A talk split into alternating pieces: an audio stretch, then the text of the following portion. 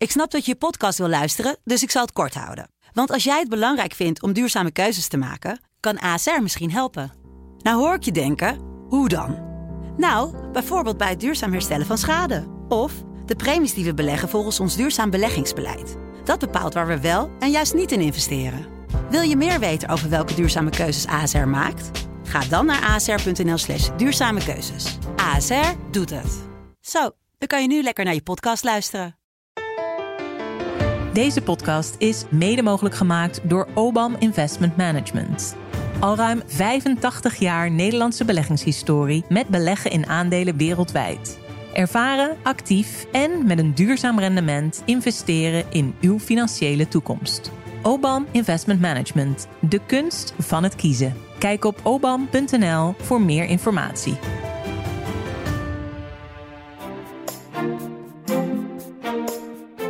Jij moet niet zo mouwen. Je moet gewoon lekker door blijven werken. Ja, maar hoe oud ben je nou? Je zit je te fantaseren over vervroegd met pensioen gaan. Dit is Kwestie van Centen, een podcast van de Financiële Telegraaf met Martin Visser en Robert Ophorst. Kamervoorzitter. Zou dat nog wat voor jou zijn in een volgend leven, Martin? Nou, dat lijkt me dus echt helemaal niks. Nee? Nee. Maar jij treedt ook wel eens op als debatleider, toch? Ja, heel soms. Ja, dat is misschien dan al wel aardig. Maar jee, maar wat een kippenhok. Nou, en vooral het ceremoniële eraan, dat lijkt me echt helemaal niks. Maar Nee, nee, eh, Martin, nee, eh, die ambities heb ik niet. nee, Martin Bosma is van de school eh, streng, maar met humor. Ja. Wat is jouw eh, stijl als debatleider? Eh, wat ik het allermoeilijkste vind, is om mensen bij tijds af te kappen. Ik doe het dus maar heel af en toe. Je bent Eh. meer van het model Vera Bergkamp. Ja, en dus, dus ongeschikt. Ja, ik vind als je een debat leidt, dat je dan eigenlijk zo min mogelijk aanwezig moet zijn. Omdat het draait niet om jou. Dat zie ik de fout, die, tenminste dat vind ik dan fout, die anderen wel eens maken. eh, de doorgewinterde presentatoren die dan ineens op een podium ergens staan. En dat je denkt, van, maar ik zie alleen maar die presentator aan het woord. Maar dat is het risico, is dat je dingen te lang laat lopen. En, eh, ja, en ik vind inhoudelijk vaker de discussies heel interessant. Maar eh, nee, ik vind het wel... eh, lastig. Ik ben denk ik iets beter in één op één interviewen. Dan, dan kom ik er wel gewoon in. Ja, En het is echt wel een kunst hoor. En keer in de Tweede Kamer zeg. Goedemorgen. Maar ja, Martin Bosma kan natuurlijk denk ik wel heel Ja. erg goed. Alleen ja, dat ceremoniële. Ja, om heel eerlijk te zijn vind ik dat toch apart. Dat iemand met zo'n verkiezingsprogramma straks namens de Nederlandse Tweede Kamer ook naar buiten gaat treden. Dat blijft toch iets, dat schuurt toch wel heel erg. Want het is natuurlijk heel duidelijk een populistische oppositiepartij die nu ineens de, de steven moet wenden. Dat vind ik toch heel wonderlijk dat het nu... eh, goed, maar ja, dat is de nieuwe realiteit sinds de verkiezingen. ja. Een vierdaagse schoolweek, treinen die uitvallen, winkels die dicht blijven en het thuiszorg die niet meer bij je thuis komt. In eh, 2040 is naar verwachting een kwart van de bevolking 65 plus. De gevolgen van die vergrijzing zijn immens en tegen die gevolgen lopen we nu al aan. Wat kunnen we eraan doen? Wat doen we er al aan en doen we wel genoeg? Daar gaan we het over hebben, Ja. deze kwestie van centen. Als we de vergrijzing willen tegengaan, dan moeten we of 3 miljoen mensen in 2040 of tot 2040 naar Nederland halen, of de AOW-leeftijd verhogen. extra buitenlandse werknemers aantrekken kan helpen om de gevolgen van de vergrijzing op te vangen. Maar dat leidt op termijn weer tot andere problemen, omdat er dan misschien te weinig banen zijn. Ja, oude lullen moeten weg. Oude lullen staan alleen maar in de weg. Dat eh zongen Code MB in de jaren 80, dat weet je misschien nog wel, Martin. Ja, dat is lang geleden. Ja. Dat was een tijd eh, dat er voor jongeren weinig banen waren. Nou, inmiddels zingen we een toontje lager. Ik noemde net al een paar eh, voorbeelden van, de, van gevolgen van de vergrijzing. Hoe groot is het probleem precies?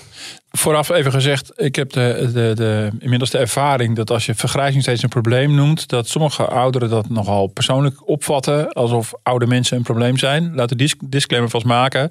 Dit is een getalsmatige... niets tegen oudere mensen. Ik heb niets tegen de meeste oude mensen.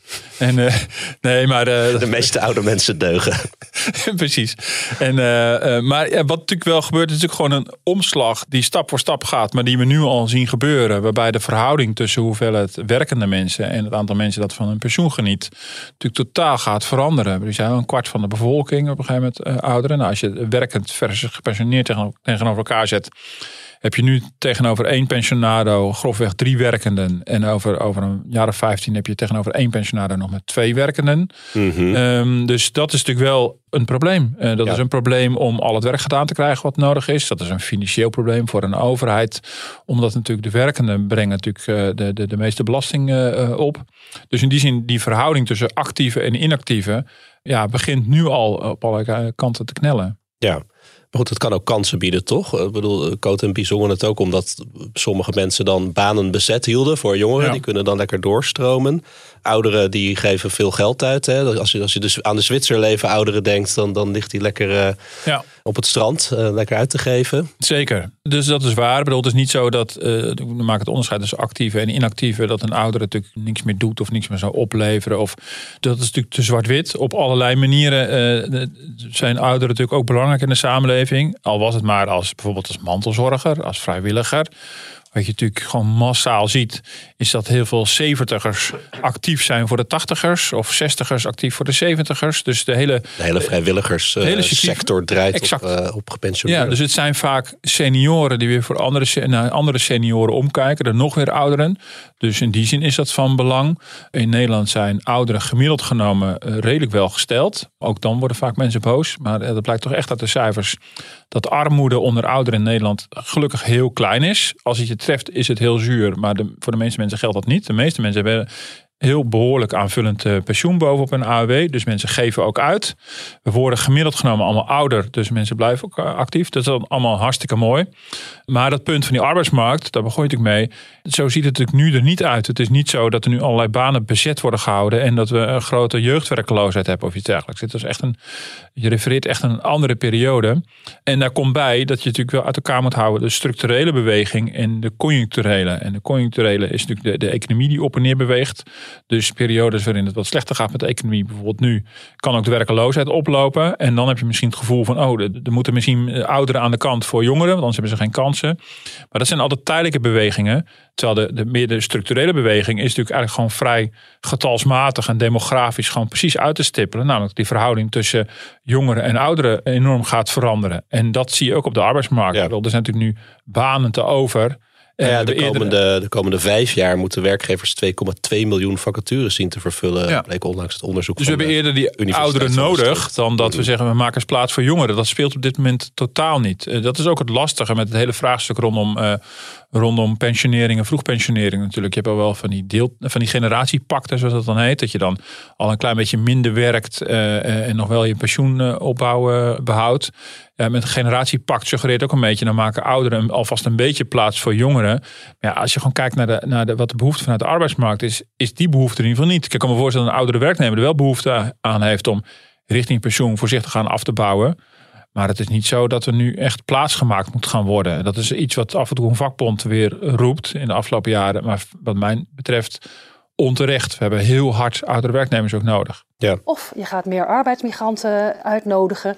Of je gaat de pensioengerechtigde leeftijd uh, blijven verhogen tot 2040. Of je wil dat mensen langer blijven werken.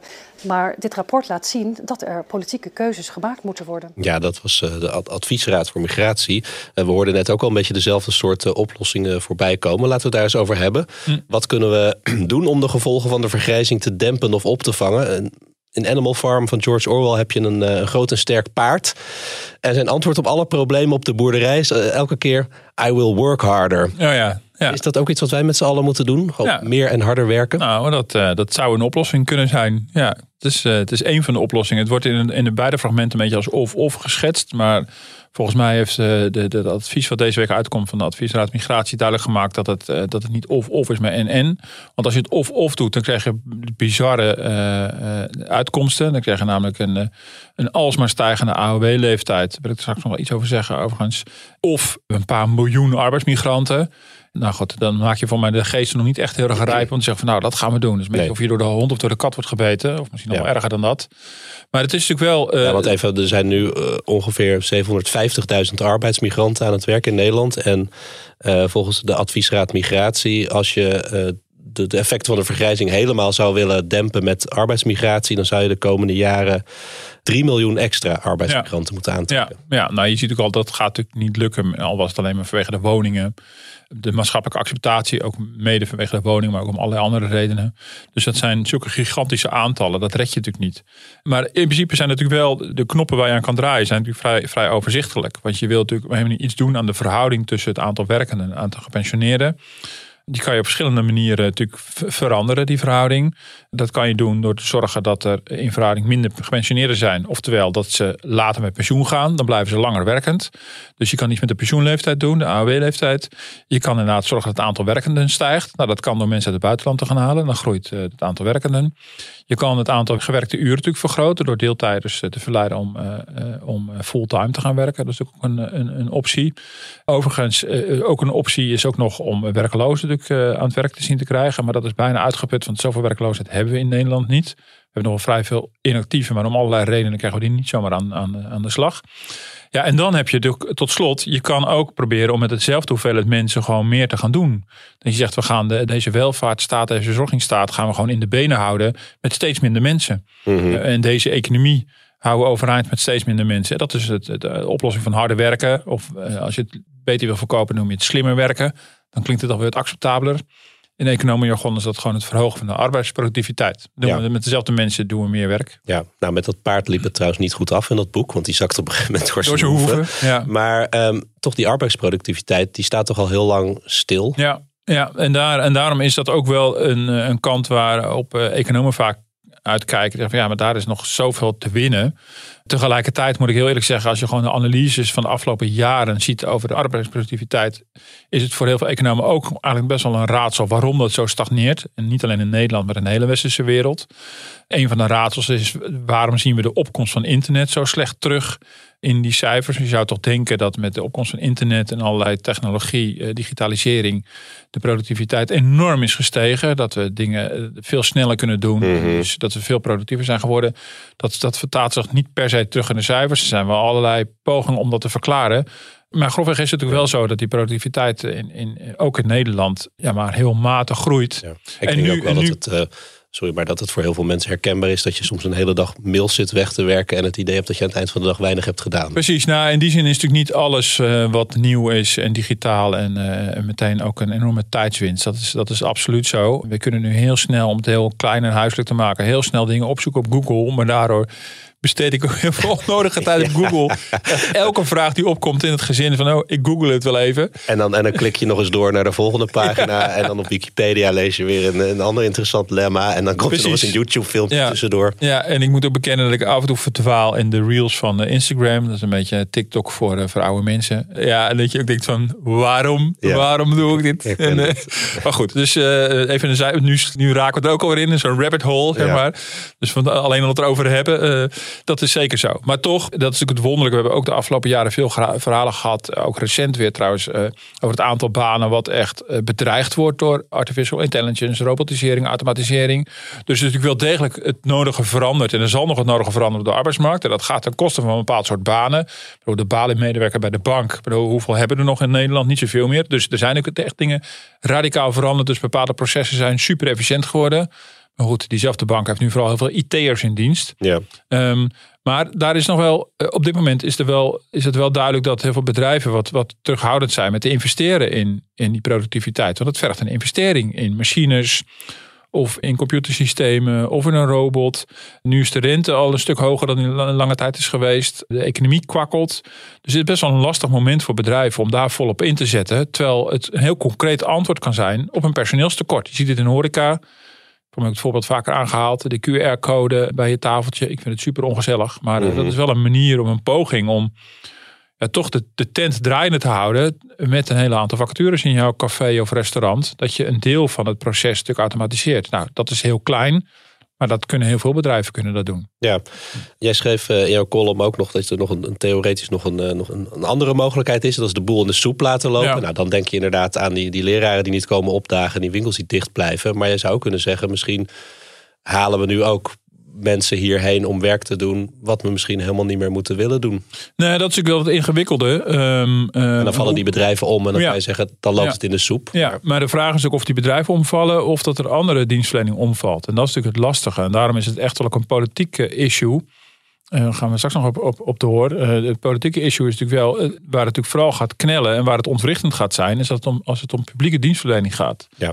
En het kan zijn het rijden van de treinen, maar ja, het meest in het oog springt toch het onderwijs, de politie, de gezondheidszorg.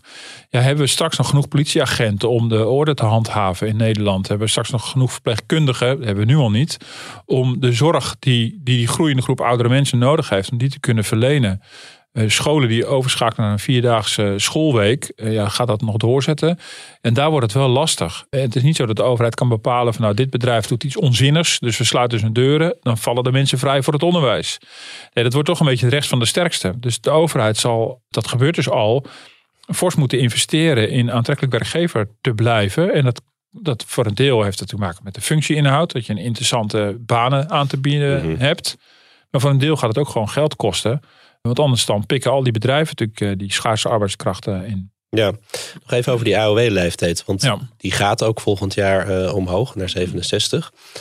Maar volgens cijfers van het uh, Centraal Bureau voor de Statistiek uh, zouden Nederlanders tussen de 45 en 55 jaar het liefst stoppen met werken als ze 64 jaar en 5 maanden zijn. Ja.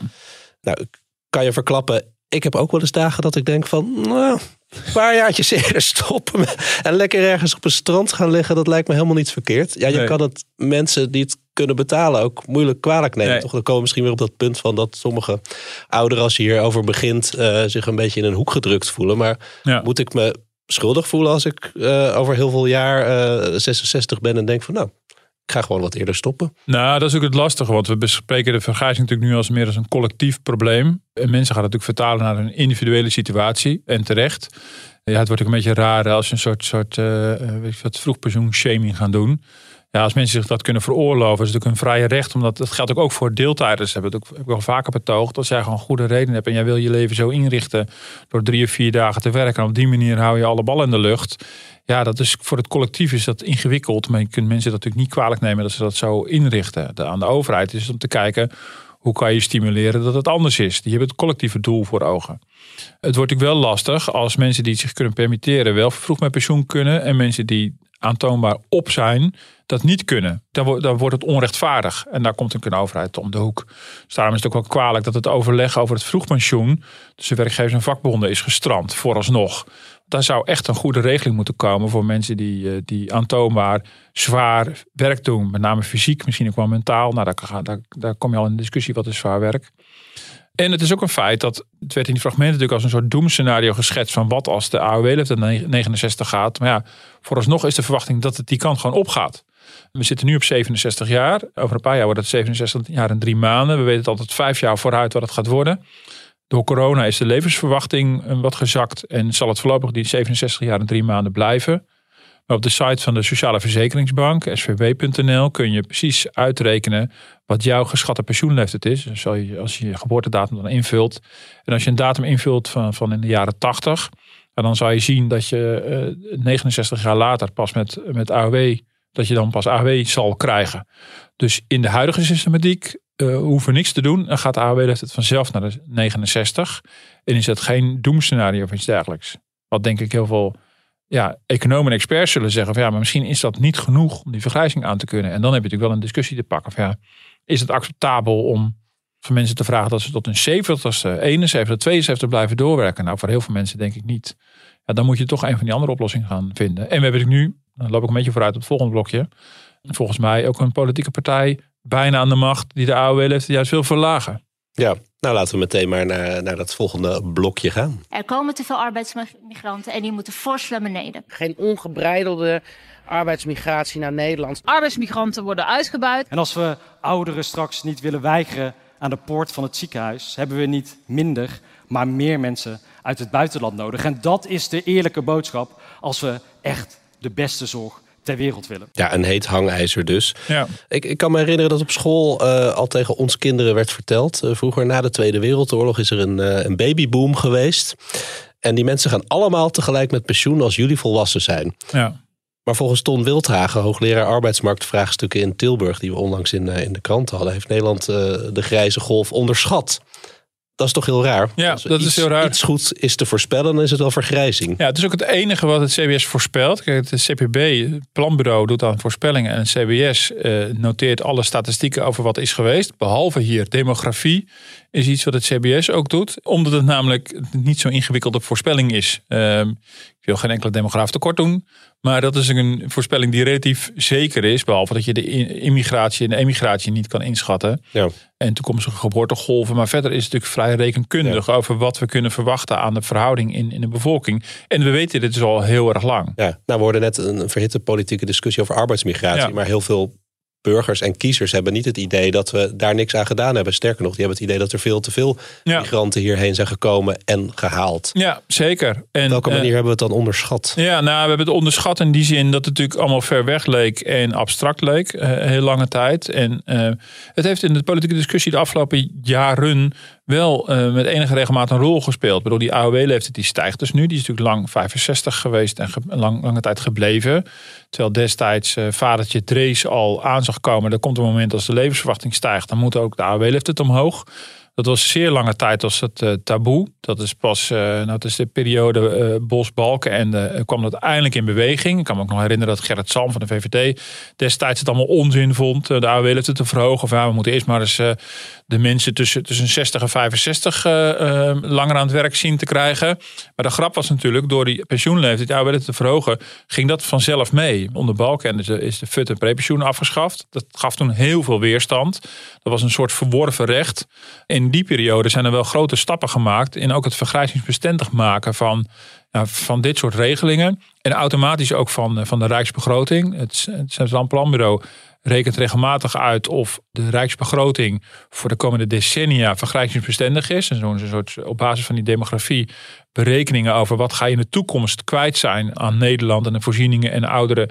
En wat ga je in inkomsten krijgen in de toekomst van aan belastingen. Ja, en als die verhouding tussen werkend en gepensioneerd zo scheef blijft, ja, dan weet je dat die begroting ook uit de rails gaat lopen. Nou, daar zijn we belangrijke stappen gezet, maar je ziet het in heel veel kabinetten daarna, of met Prinsjesdagen daarna, als er dan acuut iets anders aan de hand was, dan werd het moesten weer dingen worden gerepareerd. Eh, En dan werden sommige dingen weer teniet gedaan of verzacht. Eh, De AOW heeft het zo harder stijgen dan nu uiteindelijk is afgesproken in- rondom een pensioenakkoord. Dus dat zijn, je schuurt allemaal tegen taboes aan. En dat hoor je in dit fragment ook. De wens om arbeidsmigratie in te dammen is vrij breed. Nou, met de PVV hebben we een partij die niet alleen het aantal arbeidsmigranten omlaag wil brengen, of een, totale stop op wil hebben, maar ook nog eens een keer de AOW-leeftijd weer terug naar 65. Ja, dan, dan draai je aan twee knoppen die de vergrijzing moeten oplossen, maar precies de verkeerde kant op. Ja, dan ben je in een totale ontkenning. Dit is een kwestie van korte termijn versus lange termijn. Dat je natuurlijk best wel weet, op lange termijn wordt het natuurlijk echt een zootje. Dan krijg je het scenario van in de soep lopen, die, die, die, die laatste optie. Dat vind ik ook wonderlijk. Ik ben heel benieuwd hoe dit sentiment in de, in de Kamer zich gaat ontwikkelen. Want als je dus nu al ziet wat de gevolgen zijn in, in scholen. Je ziet het bij de treinen. Je ziet het op allerlei plekken. Zie je al de gevolgen van grote arbeidsmarkttekorten. Ja, en als je dan dit soort dingen doet. Dan weet ik eigenlijk niet zo goed hoe je, welke oplossing je dan uit de tovert. Om die problemen op de arbeidsmarkt op te lossen. Sterker nog, we hebben ook een overheid die heel veel mensen aantrekt. Hè? Heel veel banen creëert voor zichzelf. Ja. Ja, zeker. Daar zit ik ook, een, zit ik ook een, een keuze in. Dat je natuurlijk wel gewoon met elkaar moet bedenken van... Ah, wat zijn de oplossingen? En ja, wat je eerder al zei, wat doen we wel, wat doen we niet? Dat geldt voor de overheid natuurlijk ook. De overheid kan, de, kan het bedrijfsleven daarin natuurlijk niet sturen. Maar het kan wel sturend zijn over wat ze zelf willen doen. Waar liggen de prioriteiten? Daar wil de PVV geloof ik wel snijden in het ambtenarenapparaat. Dus Ja. dat, is, dat zou dan goed Ja. een oplossing zijn. Ja, maar ja, dan heb je niet eh, die 3 miljoen arbeidsmigranten mee goed gemaakt, zeg maar. Weet je, dus, dus dat, dat, in die zin is het getal wel goed. Want dan weet je wel van over wat voor orde grootte hebben we het eigenlijk. Ik bedoel, dat, is, dat is altijd heel populair en net zo goed. Weet ik veel, dat geldt voor Brussel ook. Ik bedoel, we moeten in Brussel gaan snijden in de kosten van de Europese Commissie. En, en dat geldt in Nederland voor de ambtenarij ook. Als het niet efficiënt is, moet dat gebeuren. Maar meestal zet er geen zoden aan de dijk. Eh, Idem dito, de zorgkosten moeten we afremmen door alle bureaucratie eruit te halen. Ja, natuurlijk moet je dat doen, maar dat heeft niet de problemen opgelost. Dat is meestal maar een beginnetje. Nou, je noemt Brussel. Dat is misschien wel een goed bruggetje. Want eh, we zijn natuurlijk geen eilandje. Als je het hebt over vergrijzing. Een bekend voorbeeld is natuurlijk Japan. Waar we eh, al vaak over horen en lezen. Waar, waar enorm, die kampt met enorme vergrijzing. Maar veel dichter bij huis. Bijvoorbeeld Italië. Maar speelt het niet in heel veel landen Ja, in West-Europa? Zeker. En dat is wel ingewikkeld, want ehm, de Europese Commissie gaat formeel niet over de arbeidsmarkt en ook niet over de gezondheidszorg. Dus heb je al twee dingen te pakken die met vergrijzing uh, te maken hebben. Maar geven er wel tal van adviezen over. Ik bedoel, ze schuiven natuurlijk steeds een beetje op. Maar formeel zijn het nationale bevoegdheden. Dus ze kunnen ons niet dwingen, behalve dan dat we al een tijdje uh, afspraken hebben dat, dat we onze begroting plus plannen moeten inleveren in Brussel en dat Brussel daar iets van vindt. De afgelopen jaren is het ook gekoppeld aan, financiële douceurtjes. We hebben dat corona-herstelfonds is erop getuigd. En het idee was van uh, als Italië, dat zou de partij zijn die het meeste subsidie nodig heeft, een paar honderd miljard. Dat geld willen we niet zomaar geven of lenen, maar dan moeten hervormingen tegenover staan. Ja, dan moet je aan dit soort hervormingen denken. Nederland valt onder hetzelfde regime. Uh, Nederland heeft uh, ingediend dat wij het pensioenstelsel bijvoorbeeld aan gaan pakken en hervormen in ruil voor geld uit het coronafonds. Dus op die manier bemoeit Brussel zich er ook tegenaan. Maar zij maken alleen geen regels over een uniforme pensioenleeftijd of, of al niet aantrekken van arbeidsmigranten. Er zijn wel regels over arbeidsmigranten binnen het EU-gebied. Waarbij we natuurlijk niet zomaar de grenzen kunnen sluiten voor, voor migranten. en, en we hebben natuurlijk asielprocedures die we met elkaar afstemmen. Maar de aanpak van, van vergrijzing is voor een heel groot deel ook nationaal uh, aangelegenheid. Maar je ziet de druk vanuit Brussel wel toenemen in de vorm van al dan niet bijna dwingende adviezen. En ook Nederland heeft daar het nodige te doen. Maar goed, Nederland staat er wel weer beter voor dan heel veel andere landen. Hoor. Dat is natuurlijk, dat is absoluut een, uh, dat is absoluut waar. Ik bedoel, er zijn ook landen waar, uh, ik denk met name in, Zuid, Zuid-Europa, waar het er echt niet heel veel beter voor staat. Het enige voordeel tussen aanhalingstekens is dat die vaak een nogal belabberd pensioensysteem hebben. Dus ze hoeven niet een enorme pensioenlasten met zich mee te dragen. Met als nadeel natuurlijk dat er veel meer armoede onder ouderen zal zijn in, in, dat soort landen. Maar wat is nou jouw aftronk? Vind jij dat we meer moeten doen op, op, de, op de, de vier oplossingen die, Ja. jij, die jij eerder noemt? Of Ja. moeten we ja, iets anders doen nog? Nou ja, er valt niet zoveel anders te doen. Kijk, eh, het lastige met de- kijk, het mooiste is, die arbeidsproductiviteit zou ook het mooiste zijn. Maar dat voelt, voelt vrij pijnloos. Hè? Als harder werken, vooral slimmer werken is, dan is iedereen voor. Het lastige is hoe je dat als overheid nu stimuleert. Ja, maar als je aan alle mensen die nu deeltijd werkt zou zeggen... je moet vanaf 1 januari voltijds werken... Ja, dan krijg je een hoop weerstand. Precies, ja. Dus als je zegt, nou, we gaan, eh, iedereen blijft doen wat hij doet, alleen we doen het een beetje slimmer. En daarmee hebben we alles opgelost. Ja, dat voelt ook heel erg fijn. Misschien als iedereen twee uurtjes extra werkt, eh, een soort straatje erbij in, in, in woningbouwtermen, maar dan iedereen een uurtje erbij. Eh, ja, dat klopt getalsmatig ook. En dan denk je, nou, dat moet ook nog wel te doen zijn. Maar dat is allemaal heel erg op tekentafel bedacht. Dat, dat in de praktijk werkt het natuurlijk niet zo. Ja, dus, dus het zal een soort combinatie worden van al die factoren. Het begint ermee dat je de AOW-leeftijd vooral niet moet verlagen. Dat is echt het stomste wat je kan doen. Je moet kijken van wat zijn de zorgen bij die AOW-leeftijd. Dus zorg dan dat je die tegemoet komt. Zorg, denk dan goed na over een goede, heel specifieke gerichte regeling voor die mensen waarvan het echt overduidelijk is dat die gewoon anders alleen maar op het tandvlees de eindstreep halen. Of misschien voortijdig al, al uitstromen richting arbeidsongeschiktheid. Dat wil je natuurlijk niet. Mensen hebben recht om, om in, voor zover dat gaat, in goede gezondheid eh, de pensioenleeftijd te halen. Gemiddeld genomen. Je kan niemand, niemand gezondheid beloven, maar je snapt wat ik bedoel. Dus dat moet je doen. Met tegelijkertijd als boodschap. Ja, maar dat geldt dus niet voor iedereen. En mensen die in goede gezondheid zijn, kunnen best nog blijven bijdragen. En met parttimers moet je zorgen dat de belastingmaatregelen allemaal de goede kant op staan. Om het ook aantrekkelijker te maken om meer uren te gaan werken. Moet de kinderopvang helemaal op orde zijn. Moet de schoolvoorziening op orde zijn. Dus het is ook niet zo heel erg eenvoudig. Eh, het komt natuurlijk allemaal eh, samen. En over arbeidsmigratie. Ja, daar kan je wel roepen, dat willen we niet. Bedoel, we zitten naar nul, maar dat is natuurlijk krankzinnig. Bedoel, eh, het is niet voor niks dat ASML eh, trots is van Nederland. Ja, dat is ook mede dankzij alle bolleboos die we uit, eh, uit verre buitenlanden halen. Dat moet je ook onderkennen. Dus maak dan een onderscheid tussen waar arbeidsmigratie goed is en waar het niet eh, goed is. Eh, voorkom dat arbeidsmigranten, deze expat, eh, onze woningmarkt verstieren door eh, te overbieden omdat ze enorme fiscale voordelen hebben gekregen. Pak dat dan aan. Je moet veel meer even afpellen van waar, waar komt de gevoeligheid precies vandaan. In plaats van dat je aan ja, van die symbolische uitspraken gaat te doen zoals we net in het fragment hebben gehoord. En ja, ik ben bang dat het zo ingewikkeld toch wel is. Ja. En dan, nou, tot slot, ja, ook de Rijksbegroting zal vergrijzingsbestendig moeten zijn. Eh, Dat gaat gewoon enorm veranderen eh, in de komende jaren. En je ziet nu dat in de afgelopen kabinetten ging alles om geld uitgeven. En ik weet niet wat voor kabinet hier nu in de maak gaat zijn qua programma, wat dat gaat opleveren aan een regeerakkoord. Maar het ziet er natuurlijk niet zo best uit. Ik bedoel, er zit een partij bij die allerlei dingen beloven aan de mensen. Die eh, niks interesseert dat er ad- adviezen liggen om vooral ook te gaan bezuinigen in de komende jaren. Om de boel weer op orde te krijgen. Als je het allemaal in de wind slaat, heb je het voor korte termijn heb je super populair gemaakt. Maar voor lange termijn heb je het probleem alleen maar groter gemaakt. Ja. Nou, aan adviezen volgens mij ook geen gebrek. De bureaulades liggen vol. Uh, ja, daarom. In dus, dus, dus, dus, het is allemaal zo. Die zin, ja, dat weten ze allemaal al. Alleen, dus, het is, het is, je zit, aan al die opties zitten natuurlijk hele impopulaire kanten aan. En dat begrijp ik heel goed. En daar hebben politici ook mee te, de, te dealen. En die in de huidige tijd moet je boodschap ook heel simpel zijn. Ja, dan krijgen ze ook simpele one-liners. Maar ja, simplistische oplossingen, daar kopen we echt helemaal niks voor. Er komen straks van een enorme koude kermis thuis. En uiteindelijk gaat het erom, willen dat er fatsoenlijk onderwijs is voor onze kinderen en onze kleinkinderen. Willen dat er goede is, gezondheidszorg is voor onze ouders en straks ook voor ons. Dat soort vragen gaat het over. Willen we een veilig land waar voldoende politie is? Dat is wat op het spel staat. Ja. Nou, toch nog even terugbrengen naar gewoon de mensen zelf. Wat, wat, wat kunnen wij nog doen? Jij en ik. En... Maar jij moet niet zo mouwen. Je moet gewoon lekker door blijven werken. Nou, uh, om te beginnen. ja, maar hoe oud ben je nou? Je zit je te fantaseren over vervroegd met pensioen gaan. Er zijn sommige dagen dat ik mij wel eens betrap op de gedachte in een onbewaakt moment. ja, ja, maar vervroegd met pensioen. Jongen, jongen, jongen. Dat schiet er helemaal niet op. Ik kan beter een vrije dag nemen. Daar heb je direct wat aan. Ik bedoel, uh, Ja, dus ja, wat kunnen we... Ja, ja. Ik, ik, ik, trek het boetekleed aan. dus ja, je wilde weten, wat kan ik doen, toch? Dus, ja, duidelijk. Wat? Niet zeuren.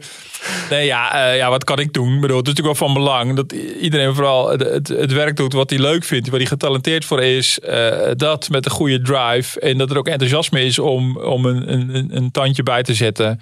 Ja, dat kan je doen. En, en, ook, ja, en ook met je loslaten, dat, dat wijs ik niet in jou hoor, van het idee van allerlei verworven rechten uit, uit het verleden.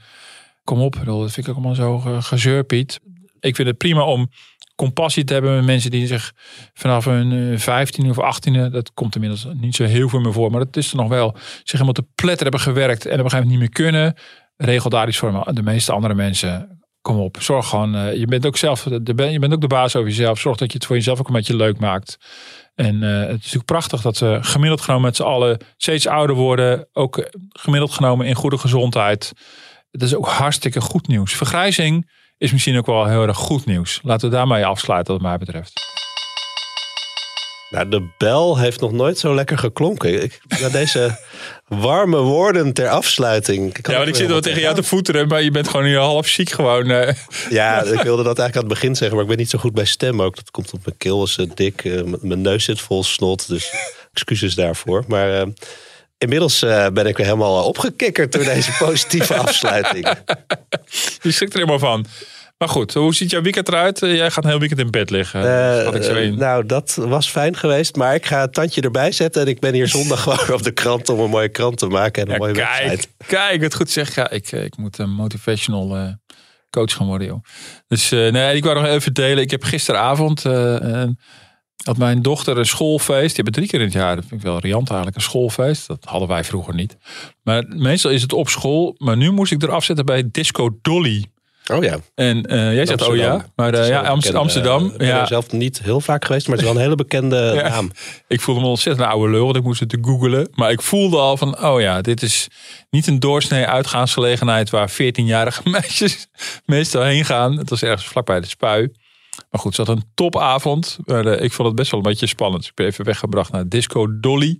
En om en, vier uur s ochtends weer opgehaald. Nee, nee, nee, joh. Het is veertien. Ik bedoel, uh, om half elf. Ja, nee, elke jaargroep, zeg maar, die mag dan een half uurtje later uh, eruit. En klas 2 zit in klas 2. mocht tot half elf daar feesten. Dus het is nu voor het eerst officieel naar de disco geweest, naar Disco Dolly. Nou, zij vond het fantastisch. In de tram onderweg ernaartoe zei ze: ja, Papa, ik voel me nu best wel groot al. Nu. Oh, ja. ja. dat vond ik echt wel heel, heel schattig. Ja, ja dus uh, we, ja, het is echt weer een nieuwe, nieuwe fase. Je kan je kinderen naar de kinderopvang brengen, maar ook naar Disco Dolly. Dus dat overkomt je op een gegeven moment ook. Als je wat, eh, als de en over een paar jaar moet je ze wel af, ophalen om vier uur s'nachts. Dan is het van mijn, mijn fiets is gestolen of er rijden geen treinen meer.